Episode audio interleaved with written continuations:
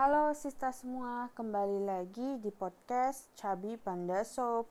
Cabi Panda Soap adalah produsen sabun yang memproduksi sabun secara homemade dan dibuat dengan skala kecil dengan desain yang lucu dan paling penting menggunakan bahan yang berkualitas.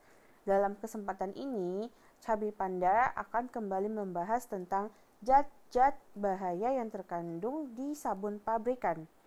Sebelumnya sudah membahas tentang perfume.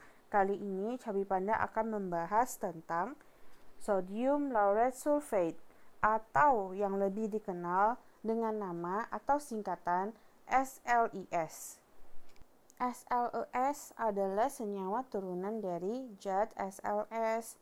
Kedua zat ini sangat banyak digunakan di berbagai produk keseharian kita, sabun mandi, sampo, sabun bayi, sampai deterjen dan pembersih-pembersih lainnya.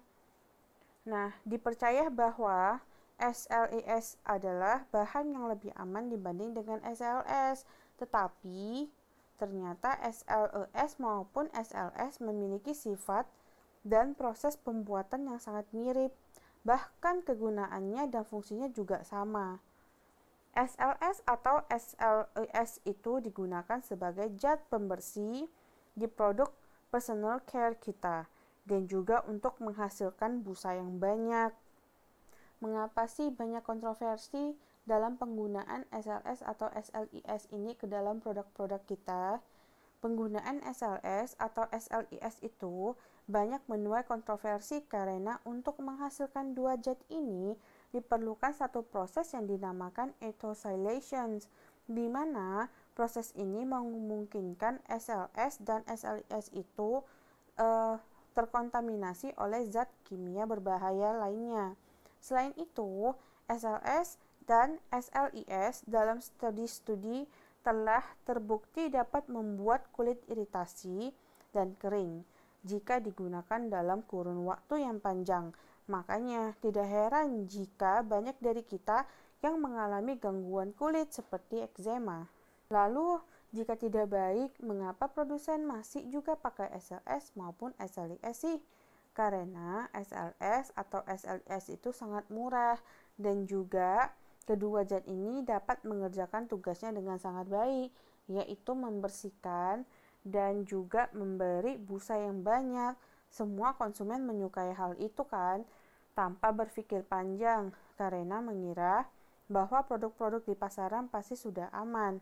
Bahkan penggunaan SLS dan SLIS ini sampai hari ini masih tetap menjadi kontroversi di negara mana pun. Dan jangan mengira bahwa kedua zat ini tidak terdapat di sabun bayi ya. Ada banyak produk bayi yang terdapat SLS atau SLIS-nya. Untuk sabun dewasa, pada umumnya sih sudah ada semua dan juga ada di salah satu produk sabun yang sangat terkenal yang sabun itu memang khusus untuk digunakan untuk kulit sensitif.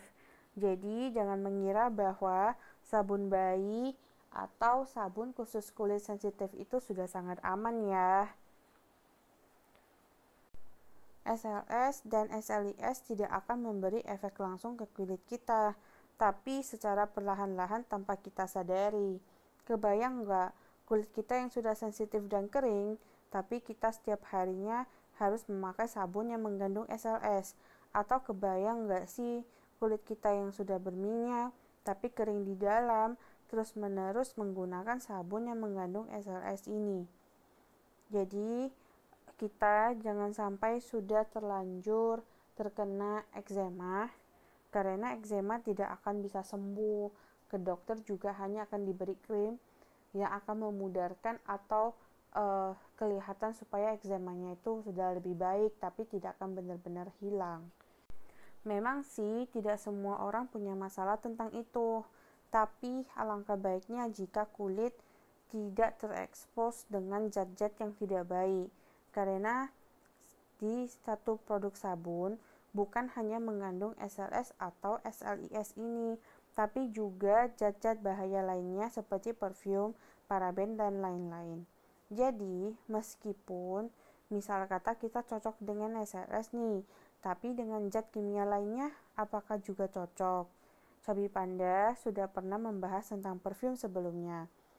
Make sure untuk check it out ya, Sista, agar pengetahuan kita lebih mantul dan keren dong.